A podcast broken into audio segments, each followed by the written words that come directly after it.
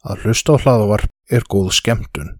Þetta hlaðvarp er ekki fyrir viðkvæma og alls ekki við hæfi barna.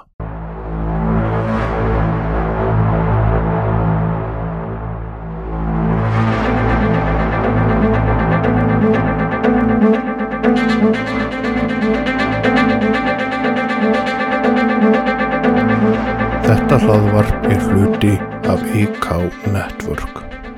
Góða skemmtun.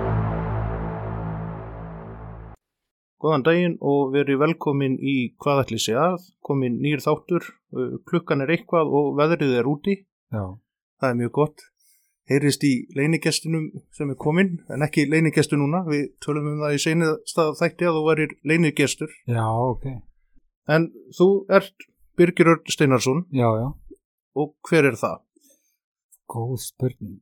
Um, ég starfa náttúrulega helst sem sálfræðingur dag. Ég, ég hef bara reynd til þess að auðvitað hlutina reynda bara að titla mig sem sálfræðing og listamann. Já, því maður er svona alltaf að gera mismundi verkefni, stundum er það tónlist, stundum er það kvikmyndir, stundum er það skrifa eitthvað annað eða gera eitthvað. Þannig að, já, það er svona, ég, ég hef reynd að spyrja mér þessa spurningu, hver er ég? já, Svarið er bara, ég get sagt þetta allavega, sálfræðingur og listamæður. ok. Og fyrir þá sem að kannski yngri og er ekki að kveikja á nafninu þá ertu Biggie Maus. Já, þegar ég stend á síðan með maus, þá, er ég það vist. Já. Já. Eh, hvernig var það samt að þú fórst úr listinni í sálfræði? Já, ég var, var náttúrulega alltaf þegar ég var í maus, þá var ég alltaf með vinnu, Mm. eins og maður gerir þegar maður er íslensku tónlistamæður, allan á þeim tíma, það er ekki breyst núna. Um, ég var alltaf blagamæður. Já. Og svo bara eiginlega fekk ég leið á því að vera blagamæður.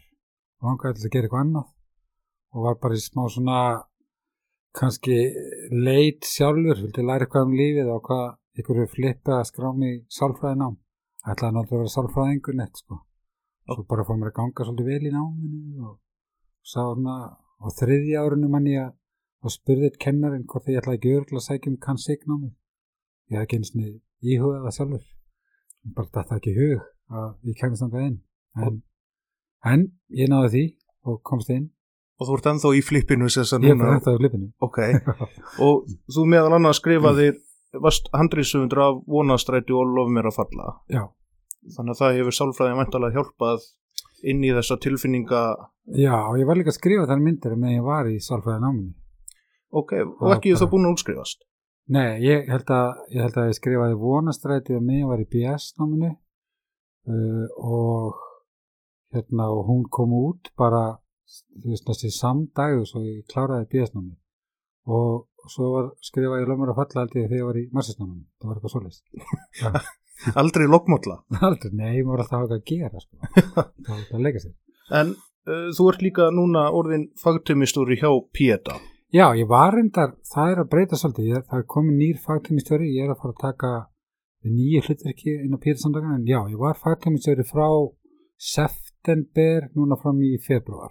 Ok, Núna hefur ráðin hún til Þórun Finnsdóttir og ég er sérst að, að fara í annar hlutverk, ok. sem kannski ræðum að eftir. Sem við ætlum að tala um Já, eftir. En hérna, þú ert að vinna mikið með sjálfsvík. Já, það virðist vera orðið svona mitt sérsvið. Þannig að ég byrjaði hjá Píta samtökunum, ég sótti strax um, leiði kláraði BS-námið því ég vissi að þeir vorum að nota meðferðar hérna leiði sem ég var mjög spenntur fyrir að læra og kunna meira.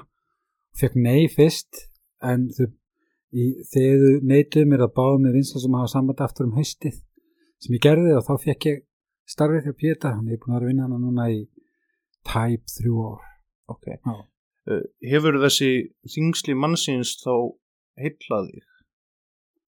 Vá, ég, góð spurning. Um, mér finnst fólk bara svo áhugavert Mm. og bara mér er svo áhugavert hvernig fólk getur endað á hinum að þessum stað og svo, svo líka áhugavert er að þú lærir að hjálpa fólki út úr því sko. og hérna, ég sem þið spurður að því hvernig getur þið verið í þessari vinnu þú veist að, þú veist að fólk á þessum stað og tala, tala, tala alltaf dag og þú tekur þetta ekki á því en, ég fæ að sjá fólk liða betur veist, þannig að, að launin mín eru í alveg að sjá eitthvað sem var á stað sem að vildi ekki lifa í það að hann vill lifa og, vill fara hérna þú veist, sér eitthvað nýja möguleika og þannig að þetta er mörguleiti besti starfi heimi. Þú veist, ég fyrir oft bara dansandum og bleiku skí þegar maður sér bataði fólki, það er stórkoslega trúlega mjög gefandi þegar maður sér einmitt fara úr lágpunktinum og bara rísa upp og standa á einu fótum í raun og veru. Já, þetta er líka kannski svona ég held að ég hafi dálit af, af sögum fólks, veist, og að heyra þessar sögur, veist, það sem maður er ég efast um að sé nokkuð sem getur komið mér og jafnbæði lengur, sko. Ég held að ég bara búin að heyra þetta allt saman. Þannig að það er líka bara, þú veist, ég veit ekki af hverju ég horf á, ég horf ekki á þetta þannig að ég sé að díla við hérna myrkra hliða fólks kannski, ég bara horfa á það að díla við fólk og það er áhugavert og bara hvernig komstu hingað og hvað getur við gert til þess að reyna svona hérna hjálpa þér út í því sko? Ok, þetta er mjög áhugaverð. Mm. og við ætlum að spjalla svolítið mikið um já, á Astýr já, en út af því að við ætlum að já, fjalla um sjálfsmórð og, aðstandendur og annað mm það langar mig að byrja að tala um víst að við sendum talum í frí svo við getum haft svona stráka kósi já, já, að tala um frægasta sjálfsvíg svona og mest umtalaða. Já, sem að allavega svona á setni tíma og náttúrulega á þinni kynnslóð já, en það er sem sagt Kurt Donald Cobain. Já, Eh, hann fættist 20. februar árið 1967 í bænum Aberdeen í Washington fylki. Í æsku var Kurt lýsem glöðum og fjörugu barni sem var líka viðkvæmur og hugulsamur. Hann byrjaði snemma að sína listræna hæfileika en þó fyrst á sviði myndlistar en áhugin fór snemma út í tónlist. Þegar Kurt var nýjára skildu foreldrar hans og hann tók skilnaði mikið inn á sig og tók honu sem höfnun á hálfum foreldra sinna. Mm. það er yfirleitt ekki gott. Nei, þetta er mjög svona þetta er alveg svona minnstur sem að sér oft líka. Já. Fóreldrar hans byrjuðu sambandi með öðrum aðilum og sambandi sem móðir hans fór í var mjög ofbeldisfullt samband þar sem hún endaði meðal annars handlegsbrotin. En á unglingsárum var hann með mjög mikið mótþróa við fóreldra sína og þau gáfust upp á að hafa hann og að hann endaði á eins konar verðgangi á sófum og dýnum hjá vinum og fjölskyldu. Á unglingsárum kynntist hann pöngsinunni Á 14 ára ammælistegi sínum fekk hann fyrsta rámaksgítarinn og fór strax að æfa sig að spila og var í hljómsveitum. En árið 1987 stafnaði hann og bassaleikarin Chris Novoselic Nirvana. Árið 1989 kom fyrsta platan þeirra Bleach út og 1991 kom Nevermind en svo plata hefur selst í yfir 80 miljón eintaka. Þú varst nú ungur þegar hún kom út. ég man daginn sem kom út sko. Ok, hvernig, hvernig var upplifunin þegar þú settir í og íttir á play og það byrjuðu sko meira svona ég held að, að, eins og allir, allir vini mínir og svona við munum allir bara hvar við vorum þegar við heyrðum smölslag teenspirit í fyrsta skiptið. Ég man nákvæmlega hvað ég var. Ég var á leiðinni í bíó og var að sækja einhvern félaga minn minna það verið körver og við fórum heim til hans og hérna það var í gangi í sjónvarpinu þáttur sem að Skúli Helgason sá hann. Mann ekki, ekki bokkort með eitthvað, ég manna ekki.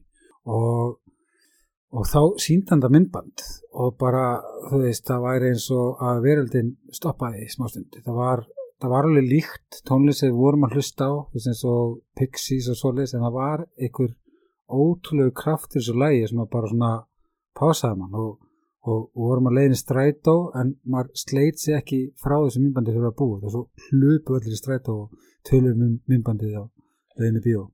En þetta, er- maður er búin að heyra þetta mitt svo oft bara, ég veit hvar ég var þegar ég heyrði þetta í fyrsta skiptið. Já, og ég er náttúrulega tölvört yngri og keifti sko nefnmændiskin 2003 þetta er, hvernig er þetta? 91-92? 91 sem að hann 91, kemur út. Og ég man ennþá þegar ég var búin að fara úr hljóðfærahúsinu á Selfossi og heim og setti þetta í gang. Já, ég, ég hef verið 91 er ég hvað, 15 ára 14-15 ára. Já, já, þannig að að hérna, maður var alveg komin vel að stað í að fylgjast með rockinu og hann vissi tegund og líka veist, Sonic Youth og, og svo he- heyrir maður eftir á að þetta voru stóri áhrifavaldar á, á Nirvana. Já, nákvæmlega. Og hérna eh, það má líka gaman sketa að uh, Smells Like Teen Spirit er það 90s lag sem er strímað mest á Spotify. Þetta, þetta er það stórt lag. Já, já og, og hún var náttúrulega á þessum tíma þá var þetta hljómsveitin. Það er líka eitthvað að vita lag sko því að, að ég hef nú ekkert mikið að tróða þeirri tónlinn sem ég hlusta á börnum mín en þau hafa bæði átt svona sínir vana moment sko strákurinn sem- okkar er einmitt hérna, þar núna. Já, það sem ég dekka bara inn í þetta og bara, pabbi, það er Nirvana. Og bara, já, ég held það nú. En, en það fara held ég allir á tímabil sem að þeir fíla nýrvana já, að hérna alveg merkilegt. Það er eitthvað í þessu, líka svona með hérna tónlist Michael Jackson sem að svona kannski skoður í nýljós í dag. Já, já, nákvæmlega, það er eitthvað þessu tónlist. einhver taktur og svoleiðis. Mm. 24. februar 1992 giftist hann Courtney Love en 18. ágúst sama ár eignuðist þau dótturina Frances Bean Cobain. Árið 1993 kom út In Utero. Kurt var mikil baráttumadur fyrir samkynneið og kvenréttindum og spilaði hljómsveitin meðal annars á mótmælatónleikum um rétt til fóstureyðingar. Í gegnum stóra hluta af sínu lífi talaði Kurt um að hann væri með ógreinandi króníska magaverki. Árið 1980 eða 13 ára gamall notaði hann fyrsta eiturlifið en það var cannabis en hann, notaði það reglulega allt sitt líf og var hann mjög hændur áfengi einnig. Ásamt því að notast við alls konar lífseðiskild líf og dóp. Árið 1986 prófaði hann heroin í fyrsta skiptið og var að fykta við það í nokkur ár en 1990 var hann orðin algjörlega háðuð því en að hans sögn var heroinni það eina sem virkaði á þessa krónísku magaverki sem hann var með. En bæði árið 1992 og 93 tók Körtin ofstóra skamt af heroinni sem hefðu getað drepið hann ef hann hefði ekki fengið aðstóð. 4. mars 1994 í Róm vaknaði Körtney og fann Kört þar nær dauða en lífi eftir ofstóran skamt af róhypnól og kampavíni Það var farið með hann á spítala þar sem hann lá meðvindundar laus en komst aftur til meðvindundar og var útskrifaður fimmtugum síðar. Seitna í viðtölum sagði Körtni frá því að þetta hafi verið sjálfsmúrs tilraun að hans hálfu og aðal ástæðan því að hann vissi alveg hvað þessi blanda myndi gera það. Við erum ekki að tala um að þetta var eintabla að þetta voru víst glasið sko. já. 18. mars 1994 ringdi Körtney í lögregluna í Seattle og tilkynnti að Kurt væri í sjálfsmórshug og hafði læst sig inn í herbergi með bissu. Lögreglan kom og fjarlæði bissur og pillur af heimilinu. 25. mars skipulaði Courtney Intervention, þar sem að fólk kemur og það þarf virkilega að fara að tala við okkar mann. Mm. Og í þessu intervention eru helstu vinir og samstarfsfélagar hans og þau voru að tala um að eiturlifin væri að drepa hann og hann yrði að fara í afeitrunnar meðferð. Hann tók ekkert allt og vel í þetta en á lókum samþekti hann að fara í meðferð og strauk hann og flög aftur til Seattle. Þar sem hann reyndi að halda sér lindum fyrir vinum og vandamönnum. Þann 3. apríl reið Körni ynga spæjar í vinnu til að finna Kört því að þá var hún ekkert búin að heyra í honum í nokkra daga. En þann 8. apríl var rafvirki að setja upp örgismyndavelar við hús þeirra hjóna í Seattle þegar hann sá mannesku liggjandi með bissu í fanginu. Á vettvangi fann sjálfsmórsbref sem var stílað á ímyndaðan æskuvinn Kurt sem að hér Bodda, það er sem sagt B-O-D-D-A-H, ekki Buddha heldur, Mm. ekki alveg hvernig maður segja það. Og það var mikið magna af heroin í blóðinu ásamt dísopam. Lík Kurs hafi leigið þarna í nokkra daga og skýrsla réttameinafræðing segir að hann hafi látist 5. apríl 1994 en þá 27 ára gamall. Þannig að þetta var svona í grófum dráttum mál Körkubeins. Já. En út af því að þú náttúrulega varst uppi á þessum tíma, Mm. hvernig var að fá þessa fréttir að hann væri farin og eins og þú sagði, þú varst að fylgjast með þessari ég, ég tónlist. man að þetta kom ekkert sérstaklega óvart því að það hafði verið í fréttum þessi tilhörn hérna í Róm. Mm. það var svona svipað eins og með Amy Winehouse sko. það var svona, maður fann í hvað stemdi einhvern veginn og, og allt í hennu náttúrulega fyrir tíma internetsins en samt einhvern veginn veist, vissi heimurinn að þarna væri einstaklingur í vanda held ég sko. Já og mjög miklum. Já, en út af því að bara svona til að vita hvað ætli sé að. Og ég talaði um til dæmis eins og æskuna. Mm hefur æska mikið að segja um þessi mál? Getur þetta gert það? Og hann tekkar í strax nokkuð boks sem að svona, sem að við sálfræðingar myndum hafa ágjör af. Þú veist það er, hann byrjar í neyslu mjög ungur hann kemur á brotnu heimili er henni hafnað á fórinu sinum þú veist það er náttúrulega þeirra ábyrð að hugsa um hann skilur og hann, hann er að flakka hann um bara áður að hvergi heima þú veist það er í sófa og frængu sinni og, og eitthvað svona. Hann er svona hann, hann er með mjög brotin grunn, hann er mjög snemma. Og út af því að hann byrjar snemma, þetta snemma í, í neyslu og þá er aukar náttúrulega líkunar á því að hann, hann þróður með sér fíkni og hann það gífurlega. Og hann byrjar að leita í mjög hörð efni, er mjög ungur ég veit ekki hvað sagana svar, hvort hann átti uh, átti fyrri hérna uh, sjálfsvístilin á bakeitt hann sem úlingur sko, eða eitthvað svoleiðis. Hérna, en hann, hann tekar svo sannlega í boks yfir fólk sem að svona veit að maður þarf að sinna virkilega vel.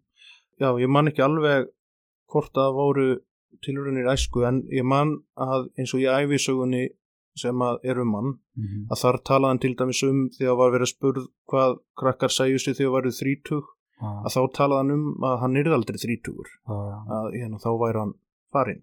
Já, þannig að þetta er eitthvað sem hefur verið lengi í gerjun hjá honum. Já, já, aldur líka.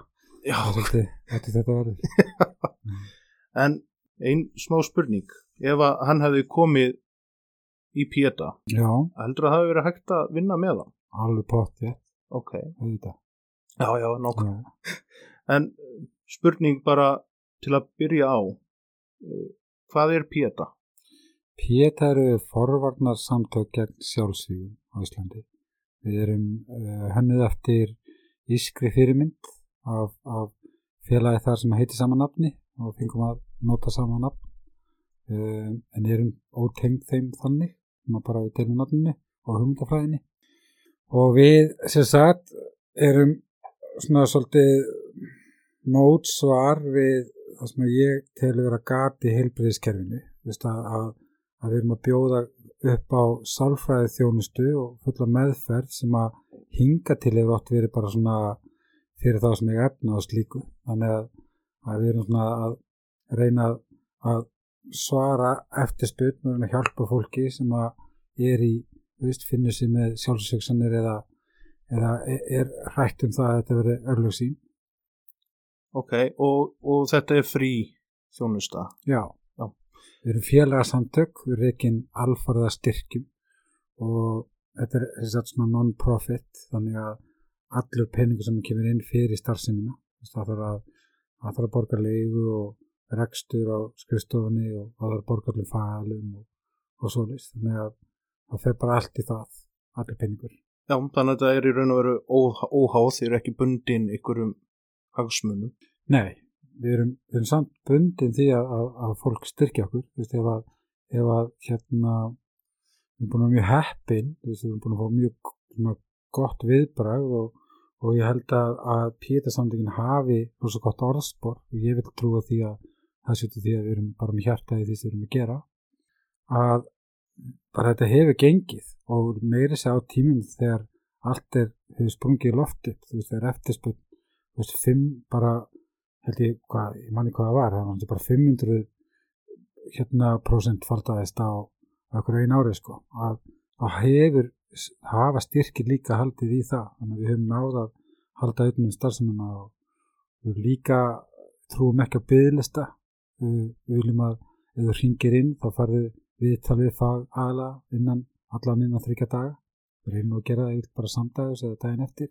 Þau bara eftir hvað er mikið að gera í hóku sko. Og já, þannig að það eru pýrsamleikin við erum bara, við viljum eiginlega vera svona eins og fyrsta, bara það fyrsta sem við hugsaðum um, eða finnum það á þessum stað. Já. og það er átján ára eldri. Við höfum ekki hérna leiði frá landlækni til þess að sinna þeim sem eru undir átján ára Ok, eh, en segjum að það er einstaklingur sem hefur ekki náð átjunar aldri mm og er að glíma við sjálfskadandi hegðun.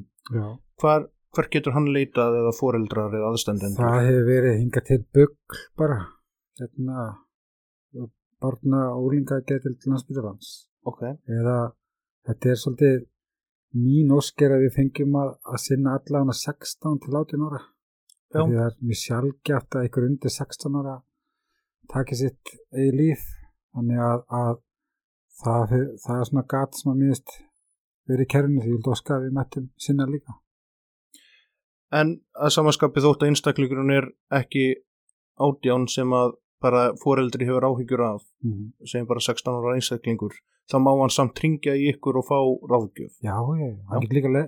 Við erum líka í ágætis samstarfi við Bergið Headspace þeir hafa svolítið tekið, þeir, þeir mega hérna að tala við þessa krakkar sko og við erum svolítið bent á þá Eh, Hvað er bergið? Bergið er já, það er svona veit ekki hvernig ég skilgjana sig þetta er svona staður sem að uh, svona stuðningsstaður sem býður upp á sálfræði til og kannski félagsfagið og svolítið fyrir held ég 16 til 25 ára Ok.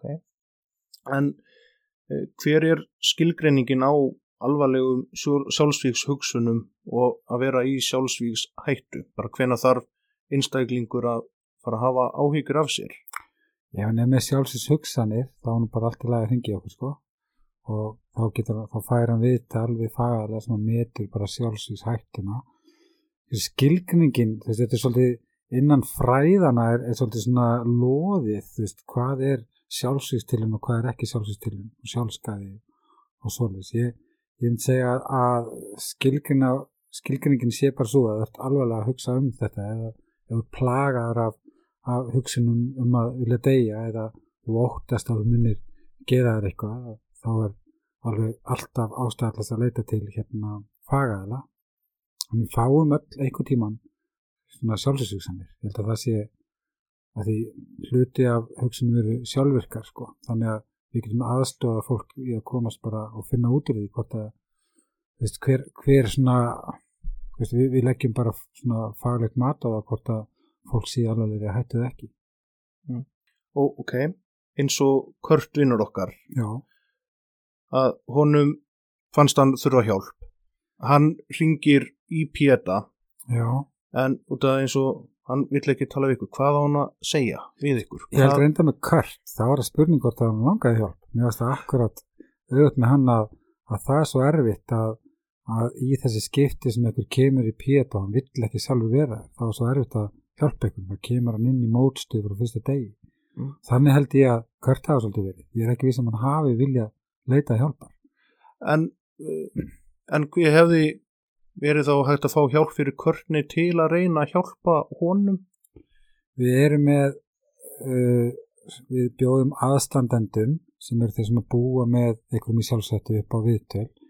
Það er ekki, það er ekki, við erum ekki að bjóða upp á leiðir til þess að, að hvernig getur komið veg fyrir. Það er meira svona til þess að minga spennu, spennun á heimilinu og, og svona að skapa auðveldra aðstæður þannig að sá sem er í sjálfsættu hafi kannski meira rými til þess að vinna sínum málum og svo leiðis um, getur að skapa svo mikið meðverkni á svona heimilum og, og kannski hegðun sem er í gangi sem að er að viðhalda hættina á þess að fólk átti að sjá því.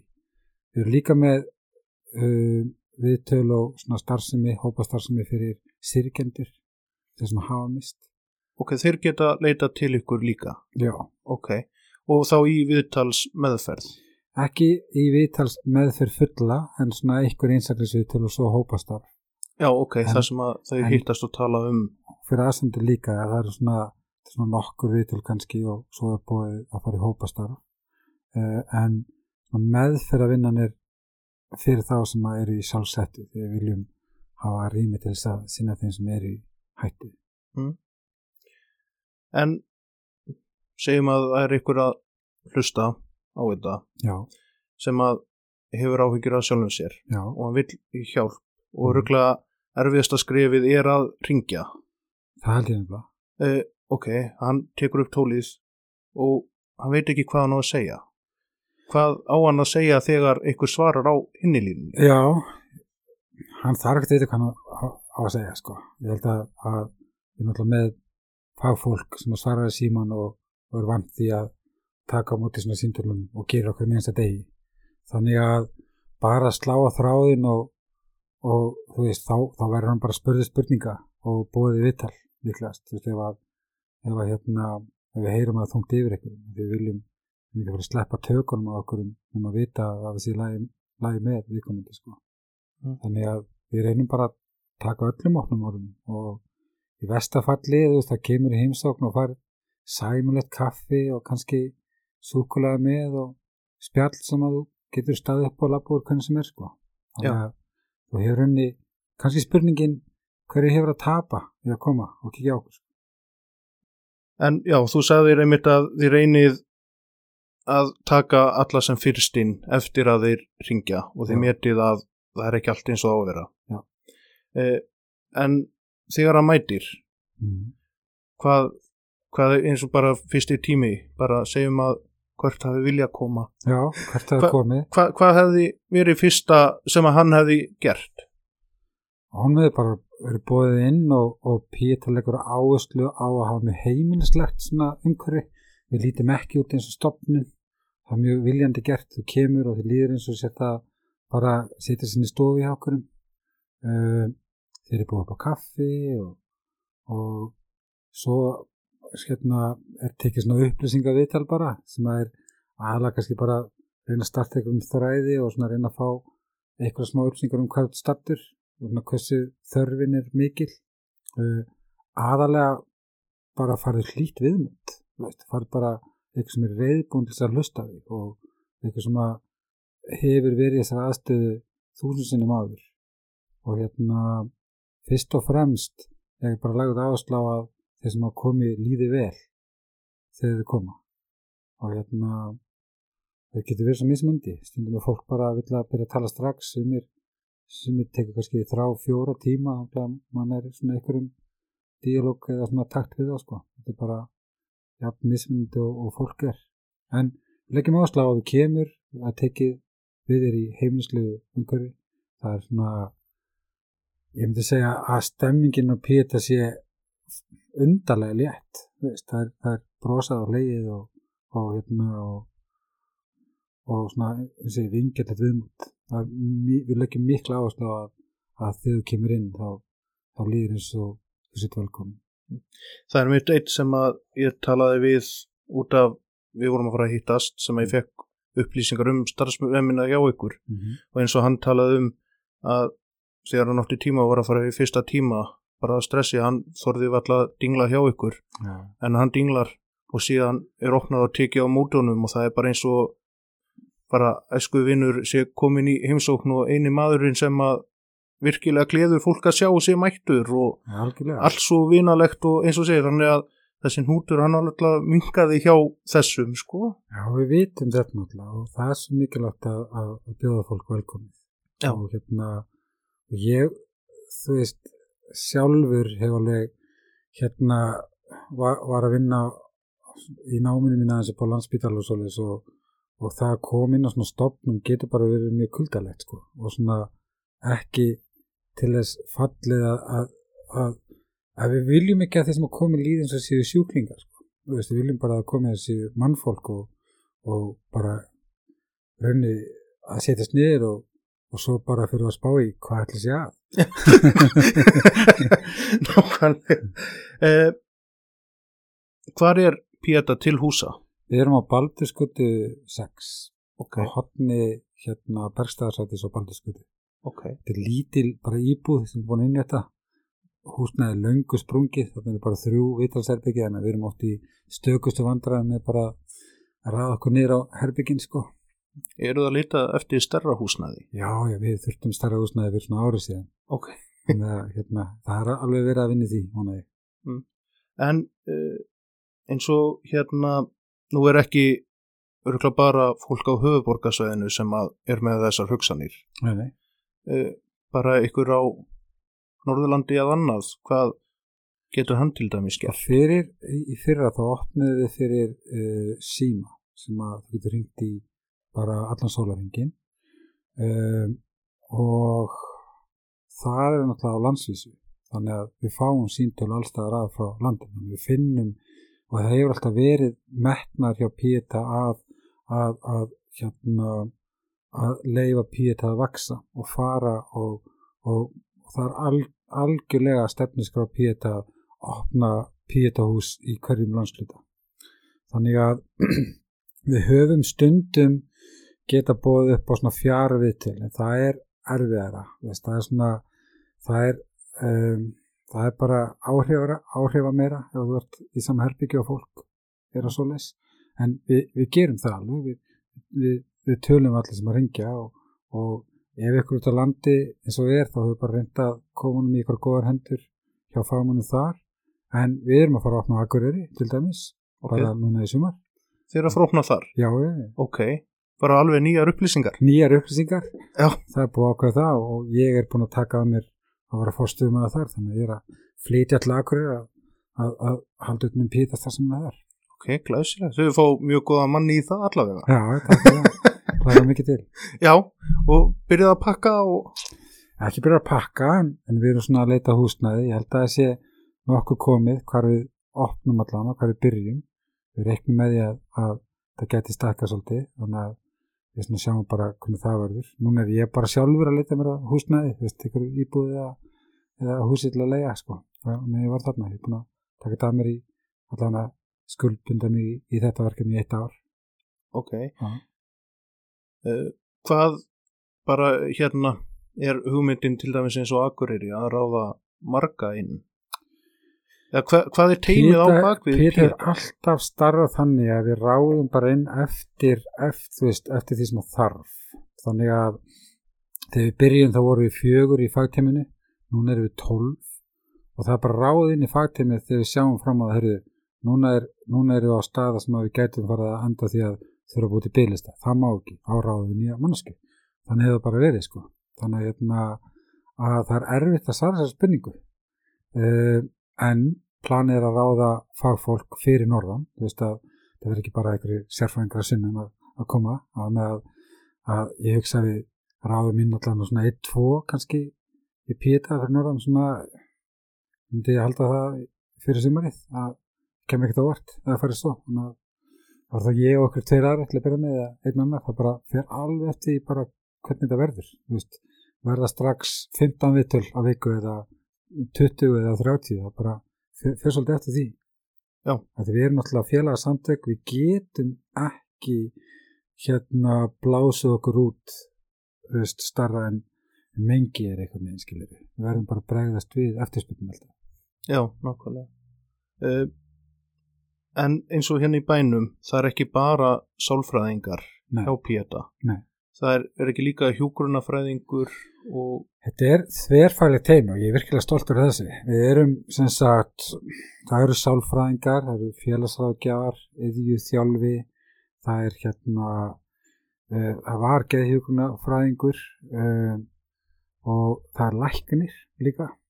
Þannig að við erum bara að reyna að hafa þverfælegt teimi því að reynslan hefur sínt okkur að, að vandi fólks er svo misjafnir og svo eru bara margir félagsráðgjafar sem eru bara hansi góður í veist, að nota ham eða dam sem er það meðfræða fyrir sem við notum um, þannig að reynslinu líka sínt okkur til dæmis segjum að kom inn einhver kona sem er kannski af ellendu bergi brotin og hún kemur inn og hún er búin að ákvaða það að taka sér degi líf á mándegi og svo fyrir að tala við hennar og spyrja hvað það er og þá kemur ljós hún er að missa húsnæði sitt á þriði þá er það klálega krísan og þá þýðir nú lítið að senda þá manneski bara einhverja hérna hurjana aðtilsmeðferð eða díulættiska aðtilsmeðferð eða meðferðan eitthvað, þá þarf hún bara félagsrækjafa sem að hjálpa hann gegnum þá krísu skilir. Og reynslan hefur bara sínt okkur þetta og stundum getur líka verið eitthvað lífræðilegt þannig að við bara riðum inn lækni sem getur skoðað leifjaskamta og, og svona skoðað og tekið blóðpröfur og við bara reynum að koma staði hver vandin er í hverju tilfelli. Þetta er einstaklingsmiðuð meðferð og engin enga tvær meðferð við nokkar leinskilin við bara reynum að komast okkur krísnir í hverju meinum og þjónust hann á þann hátt sem að henda hún á best sko þannig að það, þessi hugmynd að hafa bara sálfræðinga hún varð, hafa, mjög snemma var það ljóst að við þurftum að þess að vera þverfaglæri En núna ég sem leikmaður, já, þú sagðir dam og ham. já, Hvað er dam og hvað er ham? já Þú ert vantilega ekki að tala um hljómsveitina. Nei, já, en ákvað það er gott nafnsamt, þú veist, ham á hljómsveit, það er stórkotlu nafn á hljómsveit þegar maður veit hvað hérna, veist, vitan það að, að, að þetta er bæði íslenska og enska þýðingu, ham og, og ham, Já, já. Skika. en ham er þess að uh, stytting á hugrætni atvellismeðferð, dam er stytting á dialektiski atvellismeðferð, þetta er svona þau það er meðferðar uh, uh, svona, já, það er meðferð sem við notum mest. Uh, upphálega var hugmyndin að stiðast uh, að mestu við, við díalektiska atfylgismeðferð sem er svona blanda af núvitund og, og svona best of hurðarnælfismeðferðinni og þrengja þetta í eitthvað sem útskýrta um, en síðan bara komið ljós að það hendar, það form hendar ekki öllum sko, þannig að ég segi, þetta er einstaklismiði meðferð, það er bara svona tekur viðtalið fólk, kynnist þeim ég reyna að fatta hvað vandinu þeir er. Þetta er svona oft, fyrstu viðtalinu þá eru við sálfræðingar svona oft svona smá eins og svona leynilögur eða svona þau spæjara sko að reyna að fatta hver vandin er og svona sjá er getur stíð inn í. Svo tekum maður bara þessa veist, hvaða aðferð er best fyrir hvert sko. Þannig að þessar aðferðis sem notum til dæmis Pieta á Írlandi stýst mikið við í dígalaktiska aðhaldsmeðferð sem heitir DB BT á Dialectic, Dialectical Behavioral Therapy og HAM heitir CBT á ennsku Cognitive Behavioral Therapy Ok. Uh, en sem sagt, þegar þau eru í leinulökunum, er þetta þá svona fröydísk meðferð, er þetta bara leið og þú spyrð út í pappa og... Það, þarna rugglast fólk oft sko. ég held að það eru sálgreinarnir sem eru hérna spá rosa mikið í veist, hérna svona interaction eða kannski eða fjölskyldaráðgjáni sem spá mikið svona tengsla við fjölskyldur og svoleiðis. Sálfræð með fyrir reyna yfirleitt að skoða nútíðina veist, hver er vandin í dag og svoleiðis. Um, þannig að þetta var miskilningur, það er ekkert mikið talað um pappa endilega í þessum meðferðum en það þarf stundum. Já, já, en, en eins og segið líka bara út af þegar oft, þetta er yfirlega guðmur hugsun þegar hugsað um sálfræði þá er mitt er þetta líkja á bekknum á og, já, og eitthvað svona, segðu mig frá. Já, það er, það er Freud sko, hann, hann var uh, það sem kallar psychodynamic, sálgreinir, það er sáskóli sko. Mm. og sálgreinarnir, það, það, er, það er bara meðferð í nokkur ár, skiljum við, svona ongoing process, það er alltaf í gangi einhvern veginn. Sálfræðin er svona, reynir að, að miða við eh, einhverja, þú veist að þú, rauninni eru sálfræðingar bara kennarar og, og ham er bara rauninni svona blúprint fyrir hvenar þú átt að gefa skjólstæðingum vissar upplýsingar og leiðar henni gegnum svona vist ferli sem að gæti hjálpa því komið að leysa úr megin flækjum. En við rauninni okkar starfur bara að bera upplýsingar á borð fyrir viðkomandi og hann tekur það svo og fyrir heim og hugsa um þar eða gerir verkefni sem að setur og, og það verður vonandi til þess að leysa, hjálpa þeim að leysa flækjuna sína. ok, þannig að einstaklingur sem kemur ekki til ykkar þarf ekki að hafa áhyggjur af þessari uh, stereotypum minn Nei, segðu mér það svo mömmu þinni. Nei, það er, það, er alveg hluti af, getur verið hluti af, af meðferð ef að, ef að, ef að tengslu móður er hluti af vandans, vissulega. Það getur alveg, vel, vel, getur alveg oft komið upp á, en, en það er ekki hérna normið, þú veist, maður er ekki að fara hérna, við til þess ekki að ráða í drauma eða eitthvað svoleið, skilir við. Mm. Eða það er, í, í mínu starfi er, er ekkert til sem þetta er undir meðutund, það, það kemur frá sálgreinunum, sko. sko, út af því að nú er sjálfsmórð og að hugsa um þetta, þetta er pínu tabú Já, og örgulega mjög erfitt fyrir einstaklinga að koma upp að einhverjum og segja mér langar að deyja. mhm. Er eitthvað sem að foreldrar, vinir, makar sjá, geta tekið eftir í hegðun einstaklings já, já. sem Já. að er að hugsa um þetta eða er að plana eitthvað? sko fyrst að sér segja er að ef þú hefur minnsta grunn um að einhverju kringu þig er þarna, spurðu beint út. Oft getur það eitt bara verið opna svo mikið fyrir viðkomandi. Að einhver skul í alvörunni að, þú getur sínt viðkomandi að þér sé, þú veist, væntum þengir sé það mikil að þú þórar að spyrja beint út. Þannig að fólk geti haft bara tækifæri. Fólk er alltaf bara býðið til tækifærinu fyrir að, að segja um svona. Þessi hugmyndum að einn óttin sem maður heyrir átt er að þú getur plantað hugmyndinni á viðkomandi. Það er ekkert svoleis. Við fáum öll sjálfsögsunir einhvern tíma næfni og mörg okkar í mörgum tilvíkum verður við hrætt við þær. Þú veist, við fáum ég held að öll okkar hugsa um það að hoppa fram að kletta bara um því stundum að klettum, skiljið við. Og sum okkar sjá það sem hættulega sjálfsögsunni sem að er ekkert endilega. Þannig að að spyrja út í þetta er aldrei, að spyrja beint er alltaf best. Bara spyrja beint. Mm.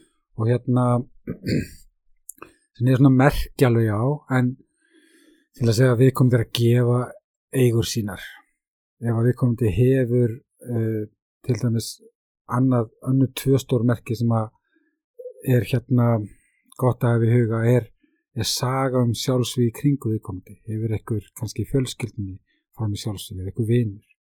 Uh, er hérna hefur, eða hefur við komandi áður gert sjálfsvíðstilvun skilur við uh, er, er hann að gefa eigu sínar? Er hann að finnst ykkur að vera að kveðja einhvern veginn í, í samtalið eitthvað solis það eru eitthvað teikn á lofti en oft á tíðum getur þetta líka bara komið eins og þrjumar heiðskil lofti sko.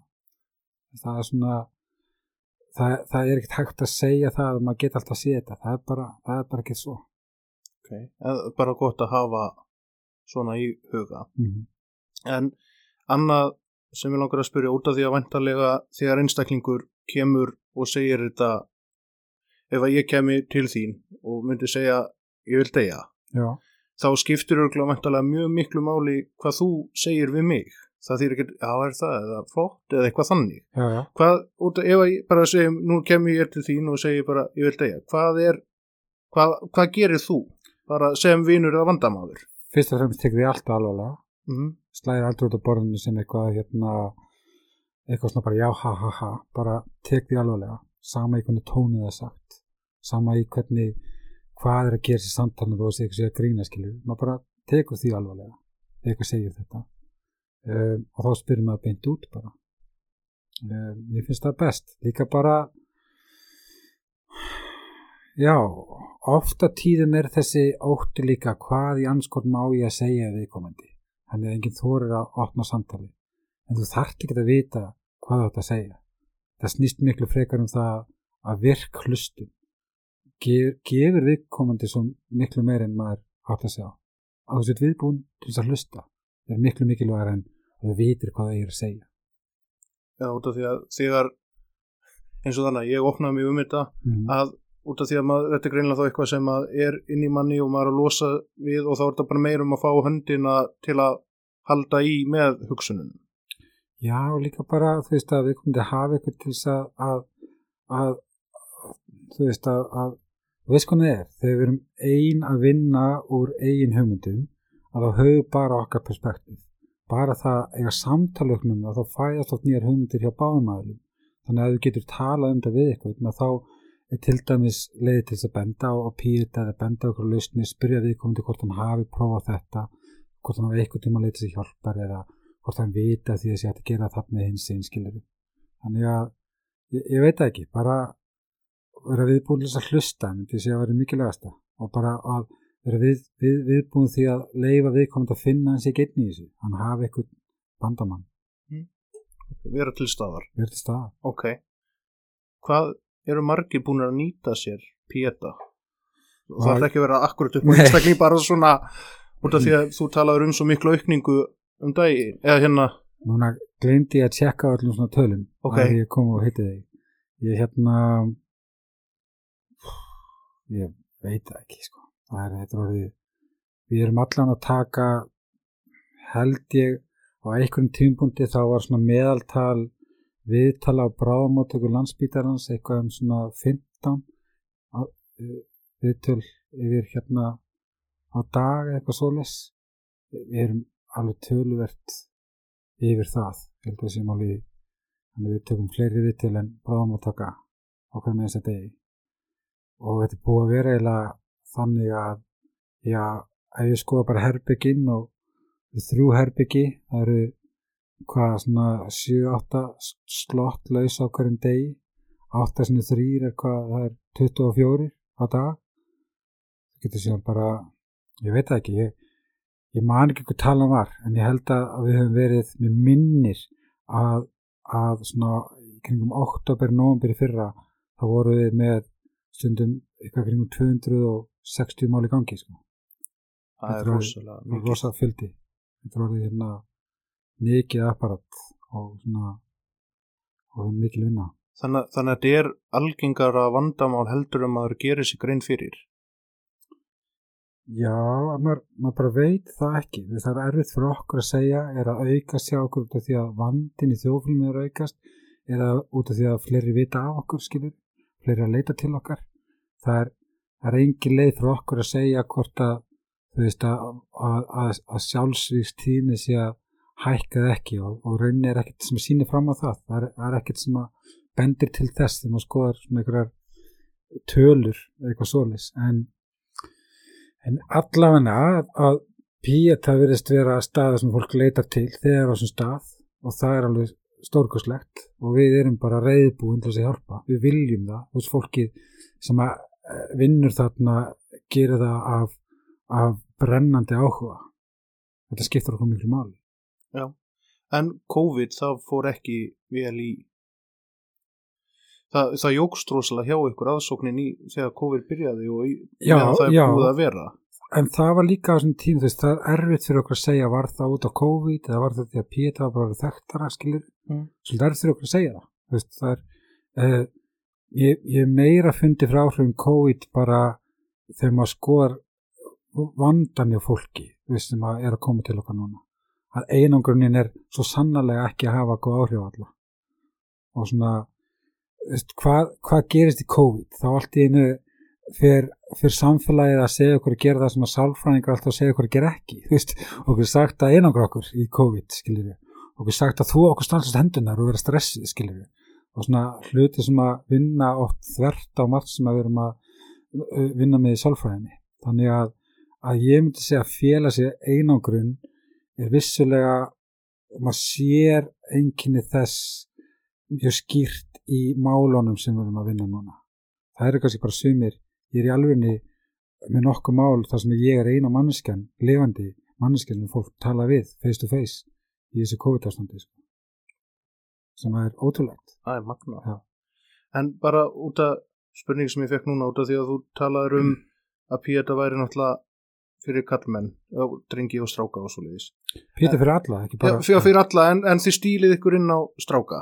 Nei, Nei, alls ok. ekki Ok, þá klippi ég þetta út, vá. Já. Fyrir, nei, þannig að rugglaðist ég alveg. ekki mál En- Pí- Pétur fyrir bæði kynin og það er svo ótrúlega magnað að þú skoðar aðsóknartölur þá er það næstu 50-50 það eru jafnmargir, margar konur og kallar sem leitt til okkar sem er stórkostlegt til ljósi þess að það er oft erfiðast að ná til kallana þannig að stundum erum við með jú, kannski svona Instagram herrferði sérstaklega til þess að höfða til þess að kallmann á aldrinum 21 til 27 ára sem að veist, við strákanir erum ólíklegri til þess að leita okkur aðstóðar skilur Mm. en, en það er það er ekkert því að við erum að það kannski á, í einstakar tilfellum hefur verið að reyna að höfða sérstaklega til þeirra en, píeta er fyrir, fyrir bæði kyn og öll kyn Já, já, nákvæmlega.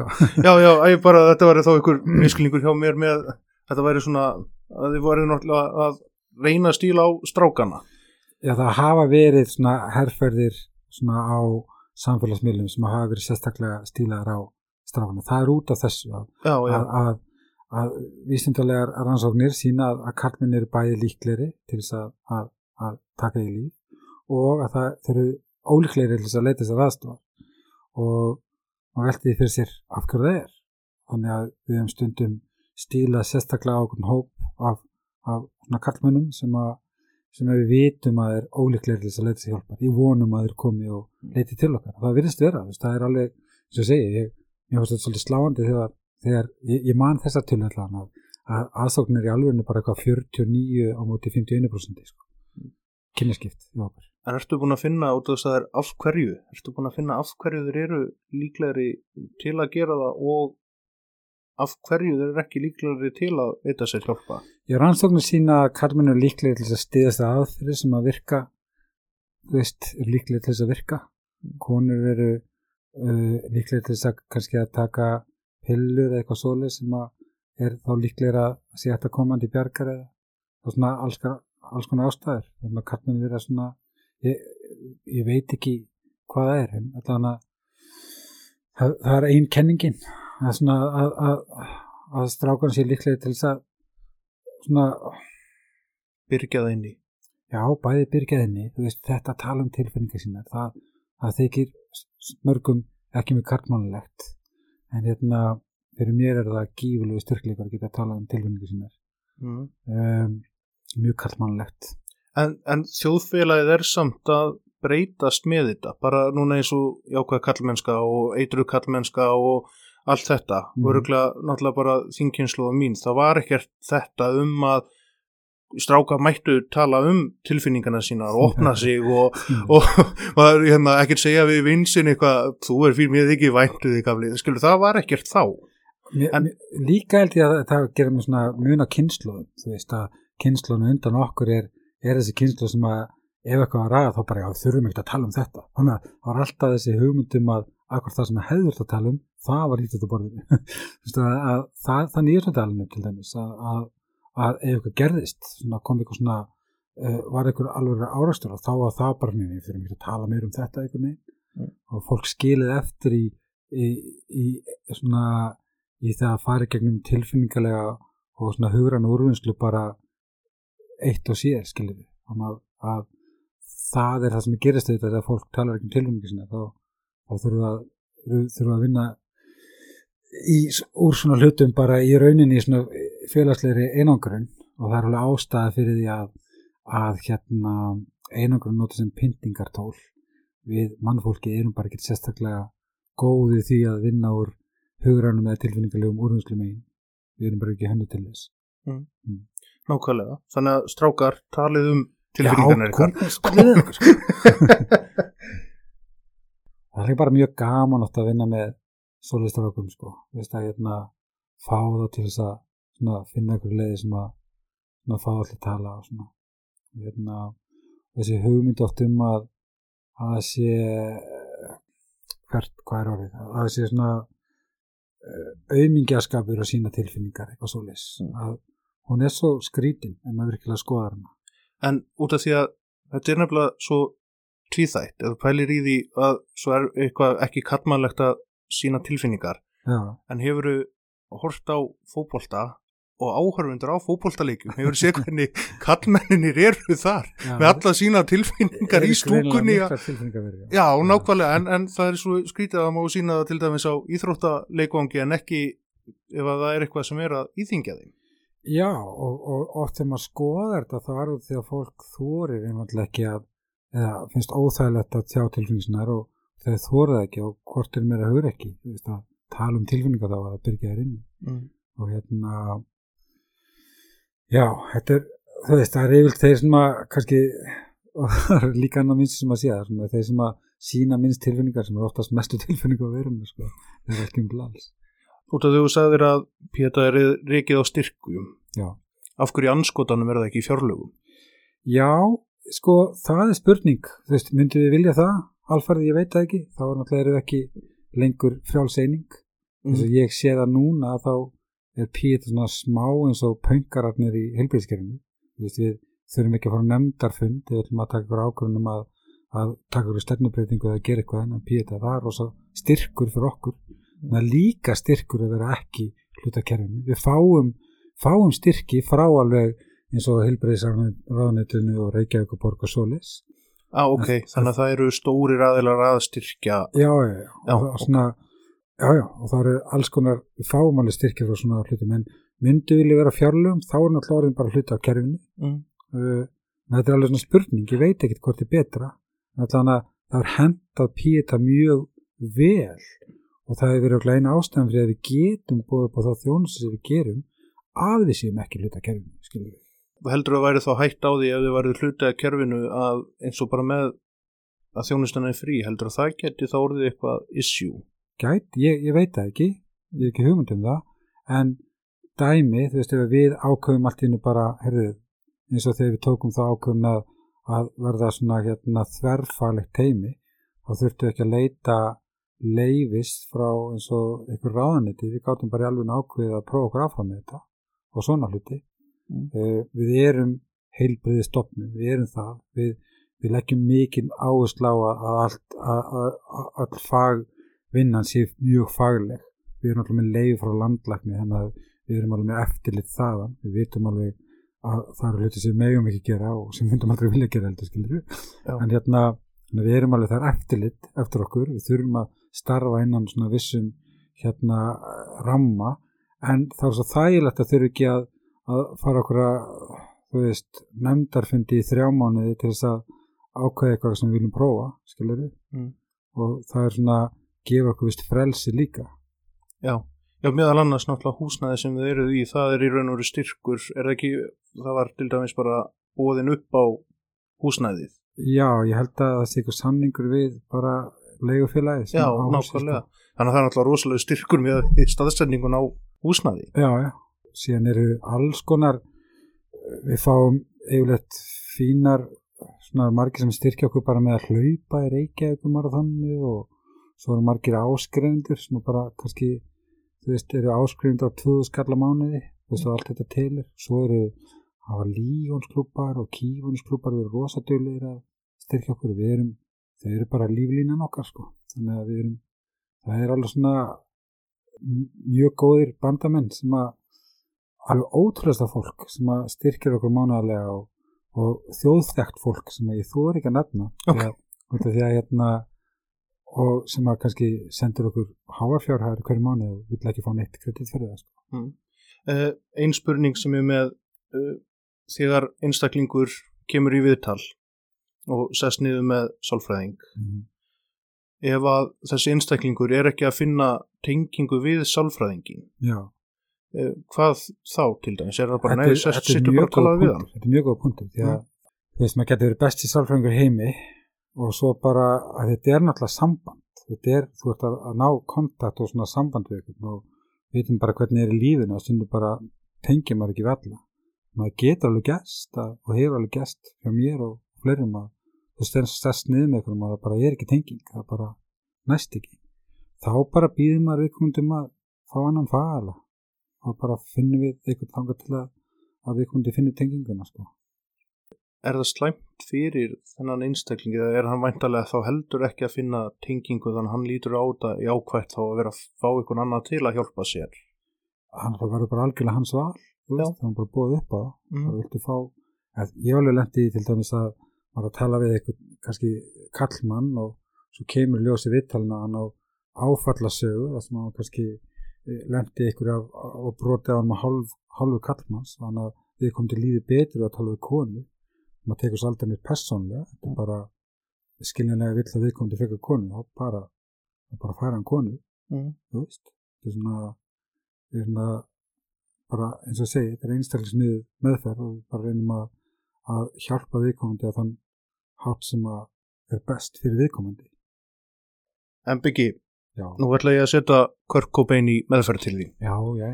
Að hann, hérna, hann er búin að ringja, já. hann vildi fá hjálp. Já, það er gott merki. Já, hann var búin að sætta sig við það, mm -hmm. að hann þyrti aðstóð. Já. Eh, klukkan er 11 á þriðu degi, já. hann kemur til þín. Já. Hvað gerir þú núna? Ég myndi bara bjóða hann velkominn og bjóða hann bá kaffi og sukulæði ef hann vildi með svo, svo bara myndi ég setjast niður með hann og, og svona reyna koma að staði hvað sittur við frammi og gefa að færa á að koma að staði hvað sittur fram hann. Uh, bara kynast fólki mm. í dæmi Kirk Cobains þá veldi ég fyrir mér veist, að, að þetta að það segir að hann ringi sjálfur það er svo gott merki veist, að fólk kemur til okkar því að vill aðstóð að strax þar ertu komið svona eh, merki um mögulegan árangur. Það er erfiðara þegar fólk kemur til okkar í gegnum annan veist, vill ekki endilega vera hana ég held að Cobain er öruglega þar. Þú veist, hann myndi, hann myndi koma út af því að Courtney senda hann eða eitthvað svolítið sko. Já, öruglega eitthvað til að fríða sambandi Já. það, svona, já, ég mæti þá. Þannig að þá er hann ekkit, er hann ekkit endilega móttækilegur.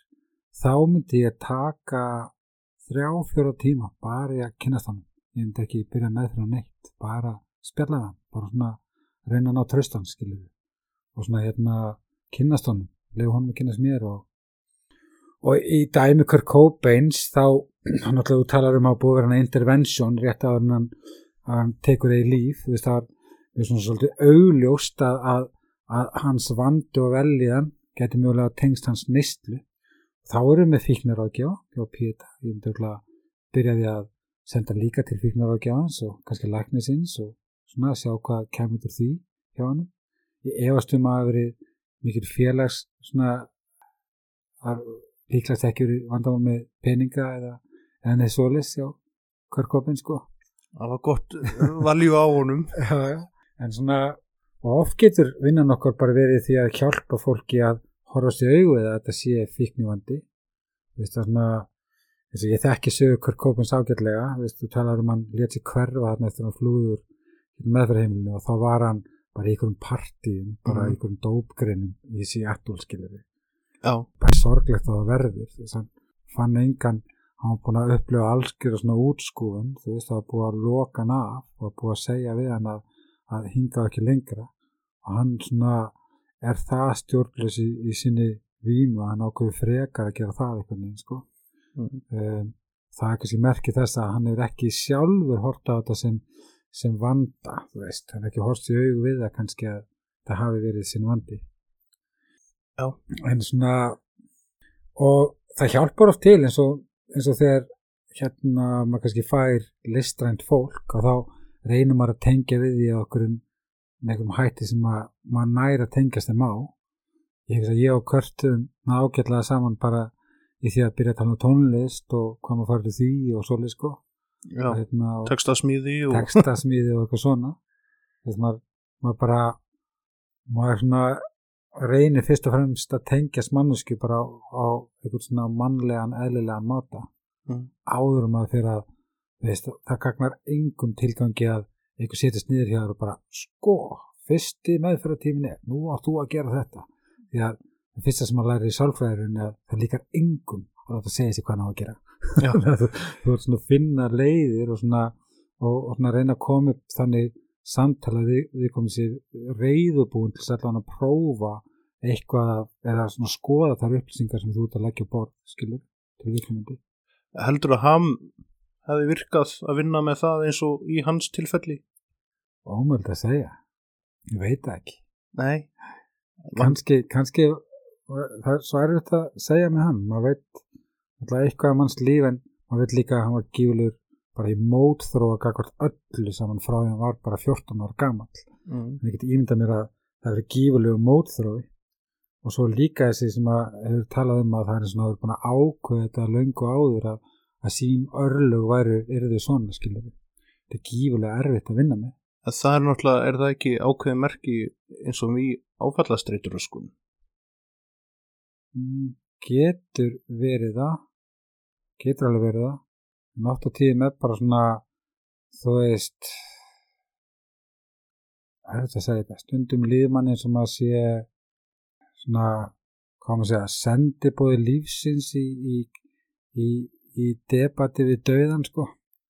Og sérstaklega svona er að að ykkur er búin að ákvæða sín örlög og vill svo mikið svona, þú veist, búin að búa til sitt eigið handrið það stíft í sínum haus að, að það lokast bara aðra, aðra möguleika og að við komum til bara er ófærum að sjá aðra möguleika skilur og sum til við kannski vill það ekki það er erfiðstu keisin þannig að ég, ég held að Kirk Cobain hefði verið mjög erfitt mál. Já. hefur verið alveg helur ég held að, svona, að það hefði verið að, að ég get alveg ímda mér að, að hérna að, að hann hefur örugglega ekki hringt í neitt og byggðið um aðstóð hann hefur kannski aldrei bara aldrei gert það og kannski verið eina af þessu típum sem er svona fundist það einhvern veginn að, að byggja um hjálp. Verið eitthvað svona veikleika merkið eitthvað sko. Þannig að hérna að jú, skrýta pæli svona en, en ég svona ef Körkóp myndir ringja inn það er bara fagnar efni sko. Það sem er enda svo merkilegt við Kurt líka að þegar hann var yngri þá dreymd hann um að vera stór og frægur tónlistamæður. já, Það var markmið hans. já, Síðan þegar hann var stór og frægur og allir þekkt hann þá einhvern veginn fannst honum þetta umverlegt og hann gæti ekki gert neitt og þekkt hann allir. Hann gæti ekki farið á tónleika í ykkur svona og hann var rosalega tónlistagrúskari. já, Pældi rosalega mikið tónlist. Hann gæti ekki farið í ykkur svona neðanjarða grönns eitthvað sem var ykkur hljómsveit og verið bara þar því að þá var allir kominir utan í hann. Gæti ekki farið neitt og líka einstaklega sem verður frægur út af anstöðu sinni við allt mm. þegar smelsleg tínspirit er gefið út þá býr Körkópin í bílnum sinni í því mm. og hérna bara kvöldið sem þetta lag kom út þá svaf Körkópin í bílnum af því að hann hafði engan annan stað þess að vera Mm. það er svo ótrúlega staðrind viku setna voru búin að slá sjálfan Michael Jackson út á við. og Já. hann bjóð ennþá í bílnum við. þannig að hann er hans kraftur kemur svo frá því að vera í mótstöðu allt þannig að hann fyrir örugglega bara mótstöðu við sjálfa aðdándu sína og hann gerði það oft hann var, hann var oft algjör hann kom mjög oft illa fram með aðdándu sína og svona og færði á svona tilfinningunni að, að hann hafi kannski ekki verið típan til þess að svona rækta þakklæti eða svona, svona hérna vera típan sem að svona horfur í kringu sig og segir það er kannski ekki endilega allt sjálfgeði sem er hérna í kringum mig sko. Nei og líka einmitt, þú verður frægur yfir slægi eins og hérna tónleikunum sem þeir tóku mér smelslægi Teen Spirit og hann einhvern veginn svona muldrar lægið í einhverju hægri útgáfu mm. út af hvað er þar, út af því að þetta eru fólki sem að er að gera það í raun og veru stóran og er að koma til að sjá þetta Já, að, og þetta er svona virðingin sem að þú sem tónlistamæður síni þeim já, það er eins og sé bara, veist, hans líf er bara eitt stort fokkjumerki á, á heiminn sko. mm. Svona, hérna, þegar maður skoða sögunans. Já, ég er ekkert vissum að ég veit að núna verður að gera eitthvað bíómyndum lífans ég er ekkert vissum að ef þeir verða að fara svona mjög vel eftir sögunans eins og bókin hann að Heavier Than Heaven sem Mm. er svona æfisagan hans. Að, sem ég skilst að ég gera sem mynd eftir ef þeir verða trúr því sem er þar þá er ekkert vissum að allir þetta lapp út af þeirri mynd hugsandi, vá hvað Cobain var góður gauð sko.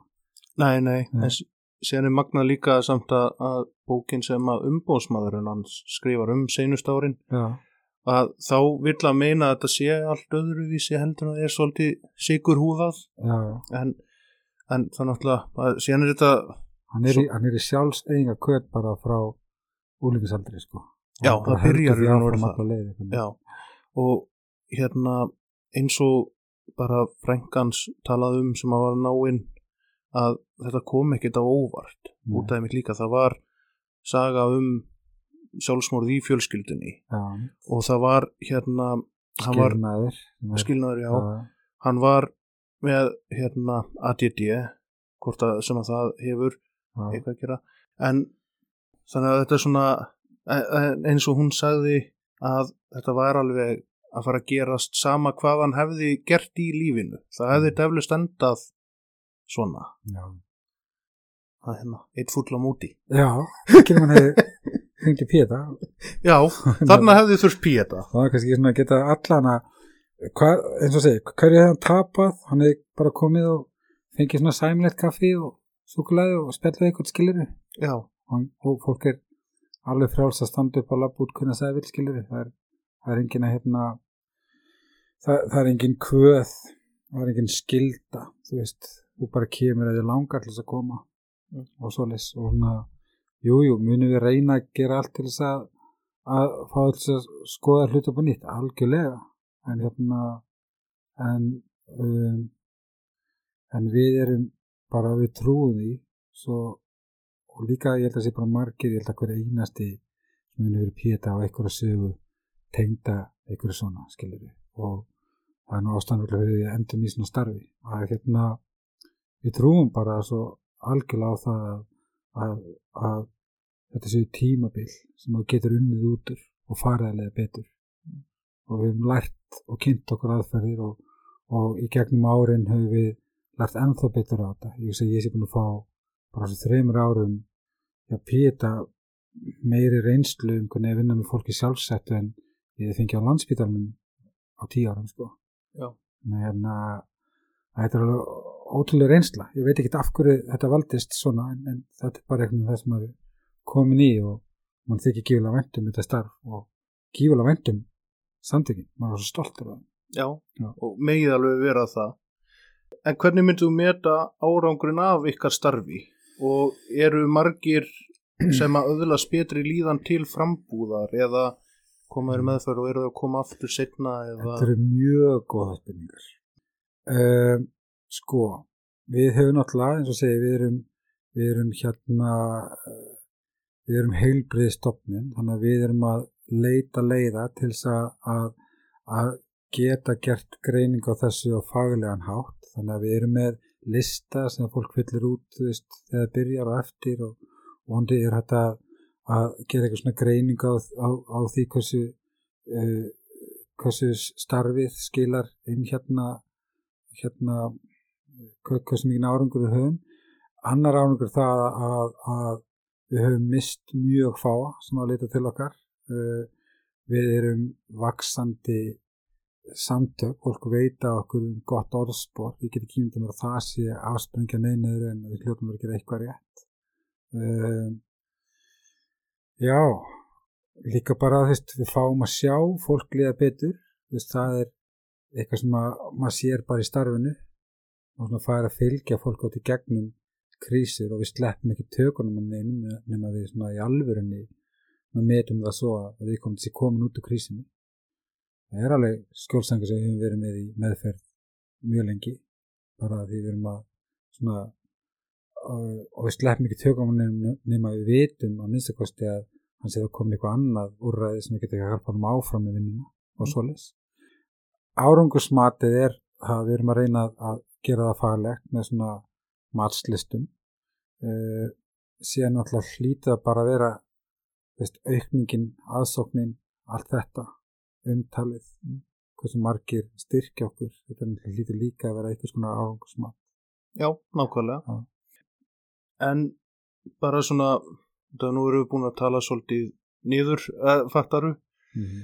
en bara svona til að halda, og bara fyrir alla, til að halda betri andlegan líðan. Já, Bara hvað er, gott maður út af því að mitt, kannski skamtegið fólk hefur að þingra, hvað getur það gert til að vera léttara? Já sko, Reymar við skóna. sko, þetta er náttúrulega einstaklisbundið uh, en ef við ætlum að fara í vísindin þá sína við, og þetta er svo mikið klesja en þetta er bara virðist vera satt að, að vísindin sína fram á besta geðliði heimi það fæst ekki út í apoteki það er félagskapur og reyfing Mm. það, er virðist ekkert virka betur en það uh, það að þannig að, að forðast einangurinn veist að það, að það hefur það hafa fáir náða að hugsa sig út úr þunglindi og komið þangað. Það vart, vantar einhvers konar virkun líka og, og svo leis uh, að huga að andlegu heilbröði alveg eins og þau hugar líkamlega heilbröði er mjög mjög mikilvægt. Ég, ég reyni að, að, veist, að, að að stunda það sjálfur sem ég kenni. Þú veist ég nota þessi tæki og tól sem að maður kennir upp í píta á hverjum degi veist, hugleyslu uh, hugrænt endurmat þú veist að, að hérna að læra inn á veist, hvernig maður vinnir svo út úr lægðum skilur að, að hvernig maður læra að stoppa stittra við, að gangast við því að stundum bara líði mann illa og það sé ekki endilega hérna að leifa sér stundum bara að fara í gegnum þær flækjur eitthvað með einskilur að passa upp á sjálfan sig með því að, að, að hérna að að svolítið huga sjálfum sér. Af því að þú gerir það þá gagnast líka allum besti kringuði í leiðinni skilur að hérna sé, svo, svo, svo mismyndi hvað hendar hverjum á einu það getur verið sumir hérna vilja hlaupa upp esjun á hverjum degi veist, og það, það getur verið gott fyrir það eða, eða aðra eins og ég, ég mitt helsta hugleslutæki er, er hérna það sem ég kalla deep listening. Að þá tek ég uh, vínilplötu og hlusta hana frá upp að lenda með fullri aðtegli ok, og Svona- þess að gefa mér tíma til þess að vinna úr og fara í gegnum tilfinningarna mínar og stundum bara veit maður hvernig mann líður. Stundum það maður bara aðeins svona pása þess að fatta það skilur og, og svona að finna hvað henda þér best einhvern veginn sko. Þannig að þetta verður þá svona eins og bara með vínulplötuna það er svona núvitundar það er algjör Já. það er bara þá, þá bein ég fullri aðtekla hljóðinu reyna að greina hvaða hljóð fara í gangi og þetta er algjör tónstanöld hvað effektar er þarna er þetta flangir er þetta þú veist hérna er þetta slapp delay eða þú veist hvernig er bara svona, hvernig hvað er pródusnin og hvað eru margir gítarar í gangi mm. og eitthvað svona og svo þegar hausinn fyrir gang þú veist það er að fara mann með eitthvað annað ferðalag og bara beinir að aftur aðteklina hljóðinu sem er að gera sérna núna já, um, en fyrir þá sem eru ekki til dæmis alveg í þessu mhm, bara eins og Headspace já, er það eitthvað sem er hægt að mæla er með til að góðum, góðum appum þú Mm. veist, já, ekki bara appum það er fullt á YouTube það er, það er fullt á Spotify það er, það er út um allt sko. þú þarft ekki að hérna, veist, til þess að viðhalda svona hlutum þá getur fundið alveg nægar uppsingar átt þess að gera heilmikla vinnu sjálfur. Já, en hérna en oft við komin að þennan stað þá þarftu einhvers konar ég held að galdurinn félist átt í mátti mætti samtalsins. Því að þú og það er bara á, við öll samtal segjum svo að við værum að fara að búa til bíóminn saman ég og þú Mm. uh, við varum búin að ákvaða um hvað hann væri. Þú fari heim og fengir alveg geggjað hugmyndum hvernig myndin ætti að vera. Ég fari heim og fengi geggjað hugmyndum hvernig myndin ætti að vera. Og svo mætust við og hugmyndunar okkar eru mjög ólíkar. En við fyrir að tala saman um það. Og í samtalenu sjálfu fæðast nýjar hugmyndir sem þú hafður ekki hugsað um ég hef ekki hugsað um það er verða til í samtalenu sjálfu. Mm. þetta er líka galdurinn við samtalsmeðferð. Að þú kemur inn á staðins og pýta út með hugmyndir um það að þetta sé eina leiðin út. Þú talaðu aramannsku sem að e, hefur eitthvað reynslu í þessum málum og svona getur vitað margar aðferðir og bara í samtalenu sjálfu fæðast nýjar hugmyndir á báðum. Það er ekki þannig að þegar komið til minni ég er búin að ákveða frá að til að nákvæða hvernig tíminn verður. Það er mjög mikilvægt að ég sé svona í mómentinu, ég hlusta viðkomandi og bregðist við honum hvar hann er skilur, leifi flæðin að vera þannig að nýjar hugmyndir fæða sig báðum og við finnum samilega leið út úr vandanum sko. þetta er bara frábær punktur. Yes. að huga andlegri og líkamlegri hilsu Já, bara huga að andleri helsu alveg eins og að líkamlegri helsu, þú veist, þú þart að fara í, ræktina og, og hlaupa og lifta eða að halda þér í formi. Þú þart að huga að andleri helsu eða að halda þér í góðu formi. Það er ekki nóg, þetta er svona svipað þú getur alveg farið og lært hugur hann aðtöðsmeðferð, kunna hann upp á topp skilur, vita alveg út hvað, hvað, hann, hvað hann gengur. En síðan kannski bara halvóra setna eftir komin í geggja þunglindi og þú skilur ekki þetta hverju. Já, það er því að, jú, þú veist út á hvað hörun allir með fyrir gengur, þú ert með uppskrifnir fram að þig, en þú bakar aldrei kökuna. Skilur, þú Já, verður, að, þú verður að, að gera það sjálfur sem að hérna, nota verkvæðin sjálfur. Þú verður að, þú veist, kakan er ekki til bara að það er uppskrifnir, en þú verður actually að leggja inn vinnuna til þess að verði til kaka. bara frábær punktur. Þessi hugmynd að hættar og sátt margir oft í svona sálfræð meðferðum að því þessi kom inn og þeim liður illa og, og svo eru búinir kannski svona fimm tím og, og þeim fara að liða betur og, og það er ekki að mæta. En, þeir, en þá eru þeir svolítið að taka kökuna árun er fullbökuð sko. Já, já, og læra ekki bakslagsvarnir og, og alls konar hluti til þess að við þetta er svona, það er kent í lók meðferðar til þess að hjálpa fólki hvernig eigi að við þetta góðri handleri helsi maður getur eiginlega ekki fengið án þess að spurja smá út í maus. Já, það er svona heitt sem þú er búin að gera. Já, og líka út af hinu sem við vorum að tala um bara út af svona alltaf varst alltaf í textunum hjá maus. Mhm, og Það- sumir, þeir eru margir hverjir mjög já. en var ykkur og, og sumir eru svolítið þungir Já, já. eru Algjörlega. einmitt ykkur svona sjálfsmórspælingar í einhverjum af þessum textum Nei, nei, ekki í textunum, nei. Uh, en það er svo sannarlega svona andleg úrvinnsla svona tilfinninguleg úrvinnsla og ég held að ég samdi alla textamöðis uh, og fekk bara að gera það án nokkus eftirlits eða bara, bara sá um það og það var rosa sérstakt oft svona eftir á, þú veist, ég man bara til dæmis eins og textin við lag sem heitir Kerrisminni þrá Það er uppáður slæmin með mér. Já, það er frábært. Hvað er þetta sem dæmi?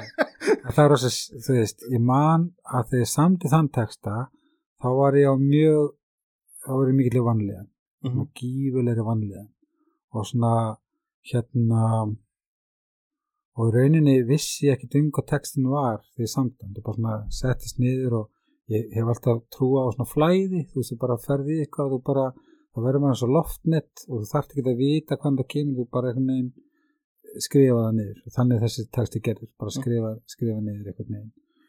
Og, og ég var ekkert mikið að spá. Þess að það var bara einhvern orka í textanum, eitthvað sem að gagnaðist mér að hjálpaði mér á þeim tíma einhvern veginn og svo mann ég eftir að, að því ég var komin úr þessari veist, ég var búin að vinna með úrinu og komin að betri stað og þá las ég textin og þá skildi ég hann 100% að þá var í rauninni að segja sjálfur mér hvað ég þurfti að gera þess að vinna með úr þessu stað sko. þannig að það er svolítið merkilegt oft Já, já. Ná, ég eins og bara því ég sem texta þá, þá er það yfirleitt þannig að, að tónlistin kemur fyrst og þá er eitthvað tilfinning í tónlistinni og svo reynir maður að setja það eitthvað inn í orð Ok. Uh, þið spiluðu senast 2017. Já, Er eitthvað planað að hittast aftur og fara að spila? við hittum svo svo oft Mm. Möðis er, er, er mjög virkur vinahópur sko Ok. það er svo skrítið samt að oftast við hittum þá í alvörunni stundum minnist ekki á hljómsveitin Ok. við kannski sitjum saman í fjóra tíma og, og, eitthvað, og, og svo lapp maður heim og maður fattar þeirri vá, við töljum ekkert um möð sko. Ok. þannig að við vorum náttúrulega vinahópur áður en hljómsveitin var til þannig að það er svona eldri það eru, það eru plönum fleiri endurútgára vínil Ok. það er svona eina sem búið að ákveða ég hugsa að næsta endur útgáfa verði platan Music Já. Þá gerð með tveimur aukalögum sem voru ekki á plötinu uppalega og svona vegum til að vera gaman að koma út í, í formi. Hinga til hefða verið í kringum 20 ára ammali platnana þannig að það erði þá 2023 svo plata Já. um, og svo er eilt ákveðið bara þá, nennu að spila ekki, sko, en það er engin plönum að gera nýja tónlist það er ekki, það er alveg svona stundum fyrir komið upp en það er svona það virðist ekki vera samilegur áhugi innan alls hljómsveitum að gera það, Ok, en er en góð... það er alveg áhugi að spila við höfum alveg gaman að spila þannig að ég held að það sé ekkit ólíklegt að við spilum einhverja tónleika, einhver tíman að þrjá Og er góðu taktur í skúrnum? hvað sér ég? Er góðu taktur í stúr... skúrnum? Í skúrnum, Já. þessu æfum Já. Eða eru þið ennþá með þetta? Það er ótrúlega skrítið að, að, að ég man þegar við spiliðum fyrst saman eftir landlið 2013 þá höfðu ég alveg ekki spilað saman í nýju ár og það var um þessi svona veist, mann í laugin og á ég eftir að gera þetta og, þú veist, og, og, veist, og á ég eftir að vera á góður gítar en ég var og eitthvað svoleiðis því maður er ekkert alltaf að spila þessi lög Mm.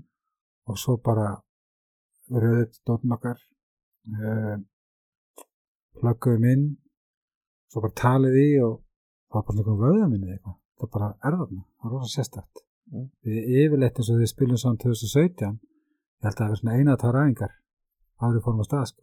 þetta er ótrúlega mikið bara í mann en ég hef yngar ágjörð því að bandið er ekki þetta gott sko. Ok, ok. Uh, þeir eru búin að hitta upp fyrir margar hljómsveitir með þeir voruður uh, þannig að mitti 94 og 2004. já, Hvað var eftirminnilegast að hitta upp fyrir? Hvaða hljómsveit? Vá. Það var ein hljómsveit sem við hittum upp fyrir mjög snemm á herlinum sem er ekki þekkt kom frá Hollandi minni mig við Dogfest Hermans það var alveg sturlað gikk sko Mm. en sem var mjög eftirminnilegt að hitta upp fyrir Placebo í lögatarsöll Já. það voru alveg svona töfra tónleikar og heila mjög sérstætt kvöld bara. Og hérna það er ekkert alltaf sem þú fara eða mjög tíma með hljómsveitunum þó hittir upp fyrir það sko.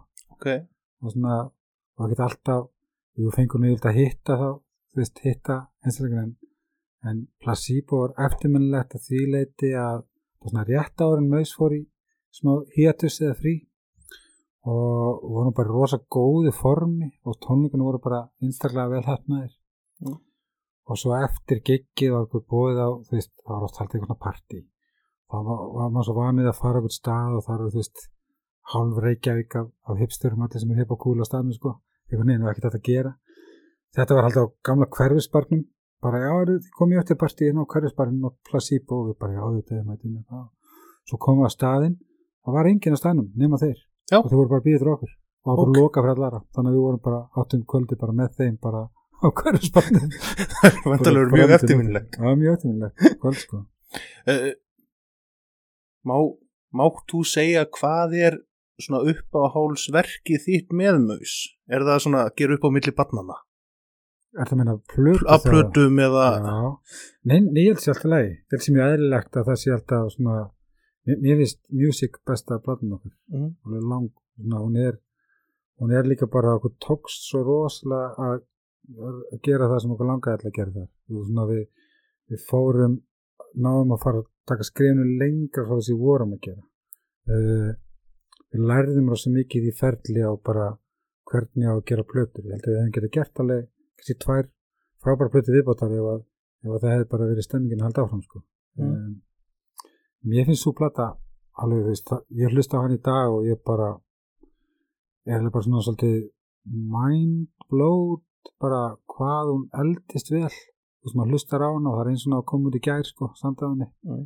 uh, og hvað tókst einhvern veginn vel til. Og svona hún hljómar eins og sé rosalega pródusserið en hún er rosa mikið spilið skilur og hérna og bara orðin svolítið betri í því. Við sem betur hvað vorum að gera og hvað við vildum gera. Mm.